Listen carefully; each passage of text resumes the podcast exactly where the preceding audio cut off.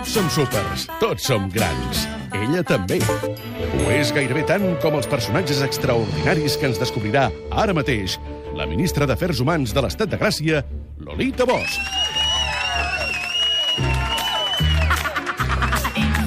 Gurrubi, baby,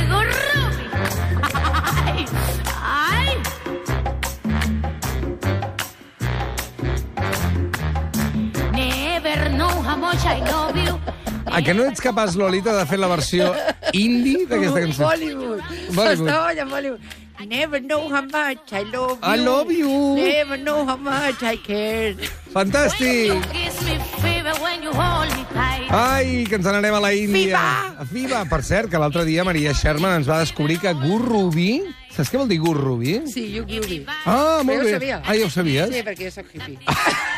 Tinc un Però com, hippie. però com que riu, com que rius tant, no m'ho pots explicar. Ara sí, vol Ara dir sí. groovy, vol dir una Groovy. mica de... de... Bon rotllo. Bon rotllo, Sí. ritme. Escolta, ens n'anem Ah, a la... jo, jo perdona. Sí, no, perdonada Ah, ah, estàs. gràcies. Home, sempre, sempre. Gràcies. Tots els teus Em pecats. pensava que ho havíeu escollit com un homenatge, de dir, hòstia, la Lolita és supergroovy. Sí, Sí. i tant, sempre. Sí, sí, del tot, des del primer dia. Ai, la Índia, la Índia. A la Lolita li agrada la Índia, ha estat a la Índia no fa gaire, li agrada com parlen allà. Com et diuen a tu, allà? Lolita. Ah, Lolita. How are you, Lolita? I'm very fine, thank you. I'm How very are you? fine. How is been your uh, traveling for la India? Oh, I like traveling to la India very much. Thank you, thank you. Ai, els brodo. Que- Els, perdona, sí, eh? sí, els ho fas bé, ho fas molt bé. Sí, ho faig molt bé. Que, per què t'agrada tant la Índia? Què t'agrada de la Índia? Bueno, hi vaig, hi vaig anar a viure, diguéssim, als 80, al 88, i va ser on, on vaig dir, ah, Ah, jo soy esa, una mica. Sí? Sí, és on vaig començar a viatjar en sèrio, havia viatjat a altres llocs, però en sèrio, sí, en plan, jo viatjo tot el cop, tant com puc, i, hòstia, em sento molt a casa, tio. És el, el... Jo en tres llocs del món on em sento molt a casa. Jo ho sé, jo ho sé. Filadèlfia, Filade... Què? eh? Fi... No, perdona, jo You sabia... didn't know this one. I didn't know Oh, Philadelphia. Okay, okay, I, okay, okay. I knew... Try the other two. Other two, the other two are Mexico. Mexico. Ah, la Índia. En Índia. Filadèlfia, per què? Mira, hi he viscut. Filadèlfia ciutat? Sí, m'encanta. Però què dius? Si no té fama de res, Filadèlfia. Bueno, que ha de tenir fama d'oli. Té mala fama, és més, té mala fama. Per, per la peli. De, Per, de, per la peli de Rambo, que Va- puja aquelles escales. Ah, és Allò allà? Filadèlfia. Ah, no, no, jo I Filadèlfia conec... és un dels meus llocs preferits. Jo del conec dels 76ers, del bàsquet i de la mala fama policial, delinqüència, etc ah, bueno, de sèries. però a mi això ja m'ha una mica aquest Ja et va aquest rotllo. Sí, a mi anar a un país que tothom és allò, ai, un Ah. rotllo tal, dic... Jo me'n vaig al Black Hood de Filadèlfia. Doncs avui no anirem a Filadèlfia, anirem a la Índia, perquè la Lolita ens vol explicar no només coses de la Índia, sinó de gent que està fent coses fantàstiques a la Índia i de fa molts anys. Molts anys. Avui ens vol repassar a les històries extraordinàries, la vida extraordinària també, de Vicenç Ferrer.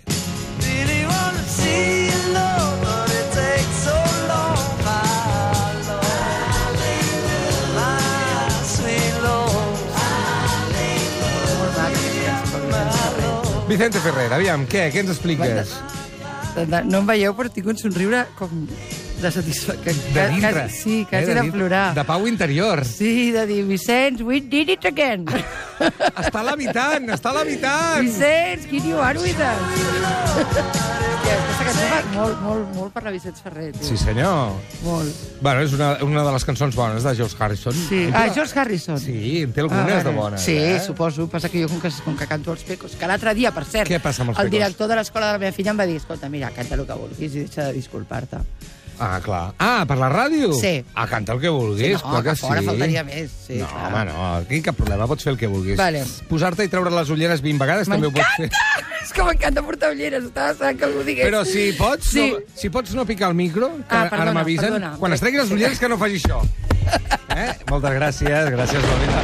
La ràdio del segle XXI. Va, Vicenç Ferrer. Bueno, pa- bueno, que sapigueu que m'he posat ulleres per llegir. Jo no sóc molt presumida. you liar.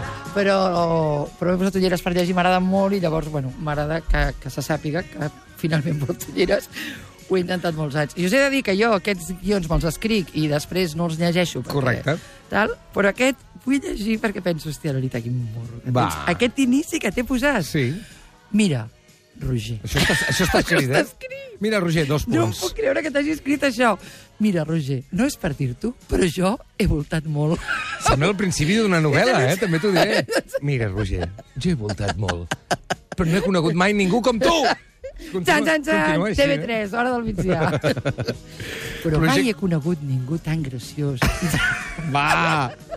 No, que No. posa, he anat a molts llocs on s'han fet no, no, projectes és solidaris. perquè, perquè jo, en, sèrio, bueno, ja ho saps, que mai ho llegeixo després. No, ja ho sé. Ja. Però eh, ara, ara ho vull llegir. Va, vinga, va. Mira, Roger, no és per dir-ho, però bona. jo he voltat molt. T'ho dic com si fossis petit. He anat a molts llocs menuts. On s'han fet projectes Afers exteriors. I fins i tot he vist gent que s'ha entregat Hòstia, que malament escrit. No, vale.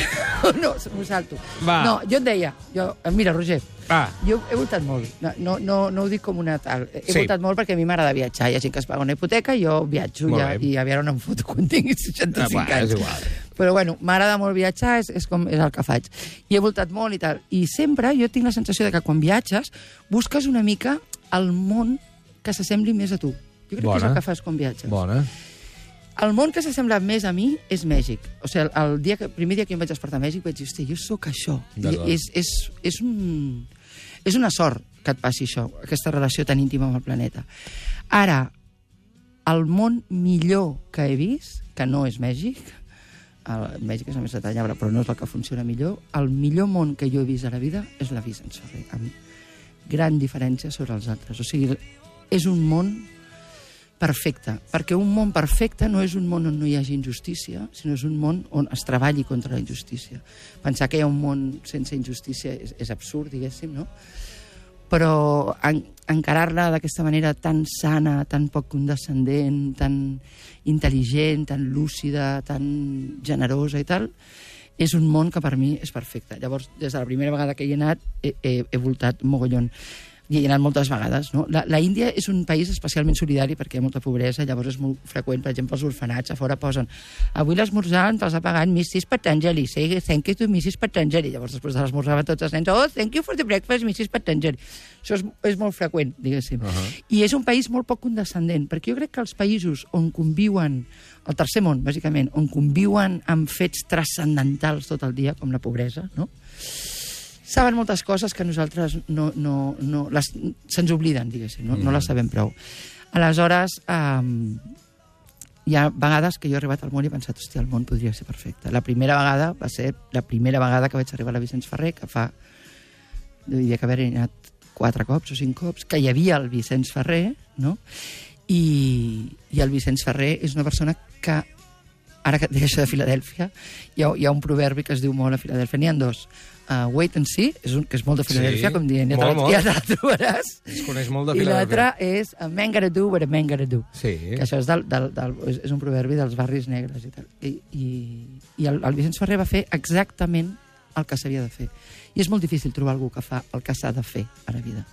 Amb humilitat i amb, amb honestedat i amb amor i tal, però el que s'ha de fer.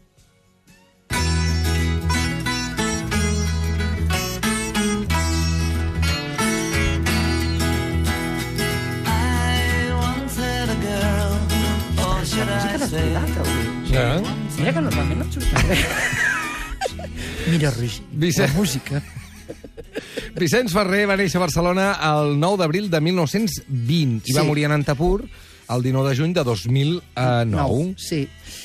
Vicenç Ferrer uh, va fer una... Va, bueno, jo, jo, jo, hi, ha, un- hi ha un mite que és molt de, del primer món, també, que és que la gent no creu... He sentit aquesta frase, jo no crec en les ONGs, que jo sempre penso, hòstia, quina frase tan bèstia, dir jo no crec en les ONGs. Però la Vicenç Ferrer no ha fet una ONG, exactament.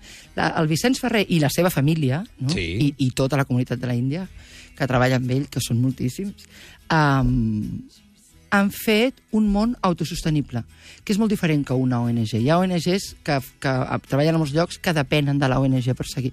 Ells han fet una cosa autosostenible. Aleshores, ara, la majoria de la gent que treballa a Vicenç Ferrer Índia és gent que va estar apadrinada de petita, no?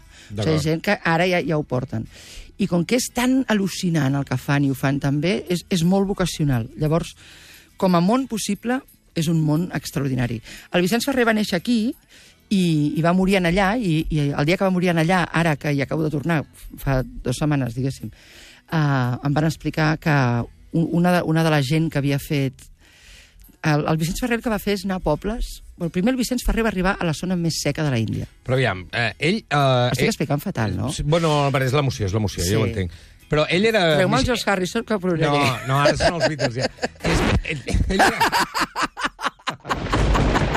Ara! Hòstia, aquest riure- vale, aquest vale. riure i aquest Va, tro. Sí, sí, m'agrada molt. S'assemblen una mica. Vale.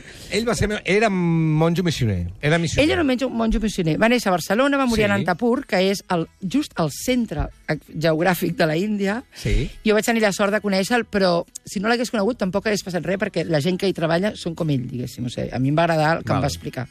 Has de pensar que jo també vaig conèixer el Dalai Lama una vegada amb un toque de queda a, Ah. a Benares. Amb... Eh, exacte! Eh, quantes coses, eh? Sí, m'han passat moltes coses, però em va agradar més conèixer el Vicenç Ferrer. Molt bé. Um, allà l'han santificat, però perquè a l'Índia hi ha 8.000 déus, la religió hindú té 8.000 déus, o sigui que no ve d'un, diguéssim, santifiquen coses normalment. I no és perquè fos un sant, sinó és que és- és això que et deia jo de men garadú, ara men garadú.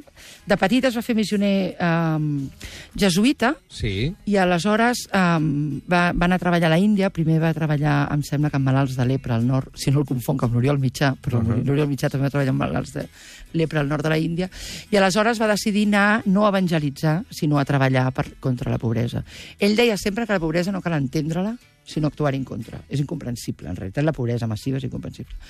I aleshores ell va anar i l'Església es va mosquejar al, al final perquè um, Perquè no estava evangelitzant. no, perquè no estava evangelitzant i perquè la Índia es va, es va empipar el govern de la Índia perquè posava massa en evidència la pobresa de la Índia. D'acord. I aleshores el van treure, el van treure de la Índia, i ell va dir que, que, que, que, que era igual treballar al nord en un altre lloc, que ell volia treballar a la Índia, no? que la Índia havia entès que hi havia moltes coses a fer i tal, i li van dir, bueno, pues, si vols treballar a la Índia, tornes i treballes a, a Andhra Pradesh, que és un dels estats més, Més pobres, secs sí? i més pobres, però sobretot més secs Uh -huh. de la Índia. L'estat més ric de la Índia, que és el sud, és perquè és aigua. Aquest no, hi- no hi havia res. I el primer que va fer el Vicenç Ferrer eh, és començar a buscar pous no? va començar a buscar pous d'aigua.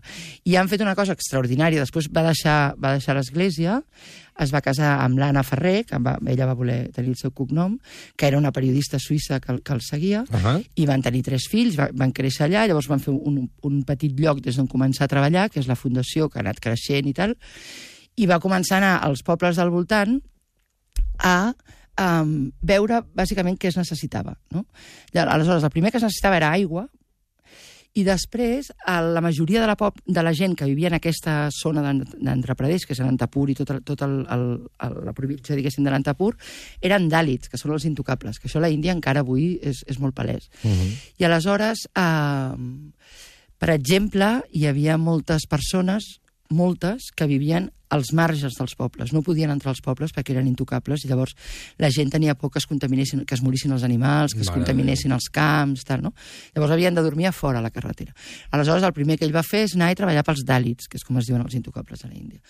Molts són catòlics, perquè la Índia ha molt, molt catòlic, però molts s'han anat convertint al catolicisme perquè no hi ha, no hi ha castes, no? o, o, al, o, al islam, o a l'islam, Sí. perquè no hi ha castes. Aleshores, ell el que va fer és anar a buscar aquesta gent que vivia de veritat al marge del marge de la pobresa. No? O sigui, no, per exemple, no els hi donaven llet perquè pensaven, si aquesta senyora veu llet del meu, del meu búfalo, la meva búfala, uh -huh. es morirà la búfala. No? O sigui, el, el límit de superstició amb els intocables era molt, molt bèstia. I aleshores ell va decidir treballar amb ells i va decidir retornar-los la dignitat. Eh! Ai, mira-la, mira-la com es mou. Les manetes. Jo em vull tornar a casar. Ei. Ho sé fer, ho sé fer pel peu, eh? Molt bé, la volteta. Sí, m'agrada molt. Clar, però Vicenç Ferrer eh, ajuda als intocables. Això no devia agradar a les tasques dirigents. No, no m'agrada gens, perquè primera ajudava als, als intocables, però se- segona deixava en evidència que els intocables a la Índia eren esclaus. No? Són esclaus, els intocables a la Índia. Eh? O sigui, tu pots tractar-los d'una manera molt bèstia. Jo t'explicaré ràpid l'anècdota perquè avui, avui no, no, no vull eh, Sí. esgotar el temps, però a, a la Índia hi ha cinc castes, no? llavors eh, la de més amunt és intocable per pura i, i després la que està fora de castes, que són els dàlits, uh. -huh. és intocable per impura. La de més amunt, jo tinc un amic, es diu Chandra, que, és, que està a la casta de més amunt, no els poden tocar ningú per no contaminar-los. No és que no els puguin tocar amb ells, sinó que ells no poden tocar De, de tan purs que de són. tan purs que són, i els educant per, per, per uh, ser eh, lents o per uh -huh. meditar. I, aquest amic meu, que ha estat educat per això i tal, uh, va anar a Mèxic a estudiar i a Mèxic, per, quan toques la parada de l'autobús, el tio va pujar en un autobús, no havia pujat mai, només havia anat en Mercedes d'un palau a l'altre, diguéssim, i quan va pujar l'autobús, per demanar que algú toqui la parada, perquè no hi ha tants botons com aquí, es diu, me toques? Es crida i algú mm. toca. I en el meu amic Chandra, una noia mexicana, li va dir, me toques? I ell li va dir, és mi primera vez. Tan mono. Y además Doncs- no puedo tocar mucho. Exacte. No, Que no, no, contamino. el tio, s'ha quedat, quedat, a- quedat a Mèxic. No, perquè aquest era del, dels, de la casta alta. Però, és, o sigui, en això hi ha la gent aquesta tan pura i la gent impura. La gent impura, a molts llocs de la Índia encara avui, són tractats literalment com a esclaus. I llavors que Vicenç Ferrer els ajudés, què, què li va suposar amb ell? El van, el van voler que desterrar o... El van voler desterrar, clar, el van voler treure i, i a part... Bueno, és que fet, és, és, és, és per anar-ho a veure. Jo obligaria, de veritat, un conveni amb la Generalitat, ara que ens la tornin, diguéssim, si, si no ens l'han acabat de tornar del tot ja, um, perquè hi anessin tots els estudiants de Catalunya, perquè és una cosa que, que s'ha de veure. Ell, bueno, primer, que et deia això que havia estat a, a, a, al nord i tal, i, i, i després el van treure, Sí. i llavors ell, ell va decidir um, començar a treballar per això pels pagesos i les seves famílies i, i llavors van dir, bueno, doncs et desterrem. I ell va fer el, el mateix que va fer Gandhi, que, que la Índia és una persona absolutament adorada, i va caminar eh, 250 quilòmetres per protestar contra eh, aquest ordre de desterrament. I, i durant la, la caminata se li van anar, la caminada se li van anar ajuntant tant intel·lectuals com pagesos, que això a la. Índia és molt difícil de que passi no? perquè la Índia està, està molt dividida socialment. Uh -huh. I aleshores, eh, i al final, la primera ministra d'aleshores, que era Indira Gandhi, va reconèixer l'enorme tasca social que du a terme la Vicenç Ferrer, que ara mateix treballa amb dos milions de persones, i l'any 69, perquè això era, era un, un, un, un molt, molt, molt innovador, eh, li va donar un, un permís definitiu per quedar-se a- al país. I aleshores ell, que havia, deci- havia marxat, havia tornat, va començar a, a, tra a treballar en Antapur contra la desertització. Això és el que va, va, va fer primer, buscar pous. Pensa que treballa amb dos milions... I, o sigui, hi ha du, dos milions i mig de persones en projectes d'ajuda autosostenibles uh -huh. vale? i cooperació entre ells, o sigui, no només depenen del que reben de fora, que no només van muntar, diguéssim, la seva família, que té, té una família molt activa i amb molta gent de tot arreu, sinó que sobretot el que fan és capacitar la pròpia gent de la zona. Ahà. I, s- I dintre d'aquesta gent agafen a les dones i els diuen Woman Empowerment. I aleshores tu, per exemple, la meva filla té un, un, un grup de dones, no? I aleshores tu pagues i, per exemple, una d'aquestes dones que no li havien donat llet de búfala, que la vam anar Sí. a conèixer ara, té sis búfales, ara. Ole. I ara aquesta tia ven búfala al senyor que no li de Toma ja! Sí. In your face. In your face! In your face! és un món molt perfecte i jo sóc molt poc fetitxista amb els projectes contra la pobresa. Més aviat sóc molt crítica. Però és un món molt perfecte. I, i t'explicaré aquesta anècdota que aquí poso. Anècdota del tipi. No la vull escriure per veure com reacciona Vinga, va, el doncs, Roger. va, l'última anècdota La primera Ferrer. vegada que jo vaig anar a la Vicenç Ferrer, que quan entres hi ha un- uns murals pintats amb educadors del món, hi ha la Helen Keller, no? hi ha el Braille, o sigui, tal, és un lloc on creuen que l'educació... ah, Bueno, creuen, entenen i ens ha fet entendre que l'educació pot salvar vides. Tenen aquests dos milions i mig de gent treballant i tal. Hi ha molts projectes que t'explicaria, però t'explicaré aquesta anècdota que és molt bonica. Una de les seccions que tenen és de traducció, vale? perquè les nenes apadrinades, tu saps perquè tens una nena apadrinada, Sí. els nens i nenes apadrinades t'envien de tant en tant una carta amb un dibuix del que han fet. Normalment la, a la primera sempre és una llavor o una fruita, perquè quan tu apadrines una nena donen gra als, pa- a les pares i a les mares perquè plantin, tal. Um, I aleshores tenen una secció de traductors que tradueixen del tagalog, que és l'idioma que es parla en Antapur, al, a l'espanyol i, i, i, i t'envien a casa. Aleshores, el típic, que era un senyor que ara ja no hi és, s'ha retirat, però que durant molt temps va, va dirigir la secció aquesta de, de traducció, un dia jo estava amb ell a la, a, a la secció de traducció i va trucar un senyor i va demanar pel tipi. I llavors es va posar, i jo estava amb ell, vaig veure aquesta escena que, que vaig pensar el món hauria de ser així, i li va dir, um, mira, sóc un pilot d'Air India, Sí. que Air India, a la Índia són molt nacionalistes perquè han aconseguit la independència fa molt poc i ho tenen molt present, mm. llavors són molt, molt nacionalistes perquè el país ho necessita, diguéssim. I va dir, sóc un pilot d'Air India i truco per oferir-vos els bitllets que necessiteu per vols domèstics per tota la gent de la Fundació. I el tipi li va dir, home, moltes gràcies, i per què ho fas, això? I ara et ploraré, però ell li va dir, tu ets el tipi? Sí. Va dir, tu vas venir al meu poble i em vas donar el meu primer llapis. Bueno, mira, jo cada vegada que explico uh. això ploro. El tip es va posar a plorar, jo, que és difícil trencar un índio, perquè són, au, han vist molta cosa, i el pilot li va dir, tu em vas donar el meu primer llapis i jo aixeco avions, tio. És Uau. al·lucinant. És, és molt al·lucinant. Que bo. Molt. Nosaltres, eh, a la família hem tingut moltes nenes apadrinades, però ara vam anar a veure, a part de la que tenim jo, jo en tinc una, la meva filla en té una altra, tenim el grup aquest de Mujer a Mujer, la meva, la meva mare i el meu segon pare, diguéssim, tota la vida han apadrinat i han, han, ajudat molt a la Vicenç Ferrer. I ella, ells tenen una nena apadrinada que l'han anat a veure i jo l'he vist tres vegades de casualitat. Llavors, la primera vegada que hi vaig anar eh, era allò que et mirava des del llindar de la porta i li feia vergonya als guiris i ens trobava molt blancs i tal. La segona s'acostava una mica i li feia gràcia les selfies. I ara, quan em va trobar, em va dir Hi, Lolita, I wanna be a doctor. I jo vaig dir, hòstia... Give me a pencil. Sí, give me a pencil and I'll change the world. Però la tia vol ser metge. O sigui, una nena que la seva mare havia de viure al marge del poble, ara està en un internat a, a la ciutat estudiant primer de medicina. Sí, senyor, aquesta és la gran tasca que fa Vicenç Sisplau, Ferrer. entreu a la web, mireu-ho, creieu-ho, és un món al·lucinant, ajudeu-los, que ens ajudareu a tots. Moltes gràcies. Uh, thank you very much, Lolita. You're welcome. Go to India and visit. Adéu.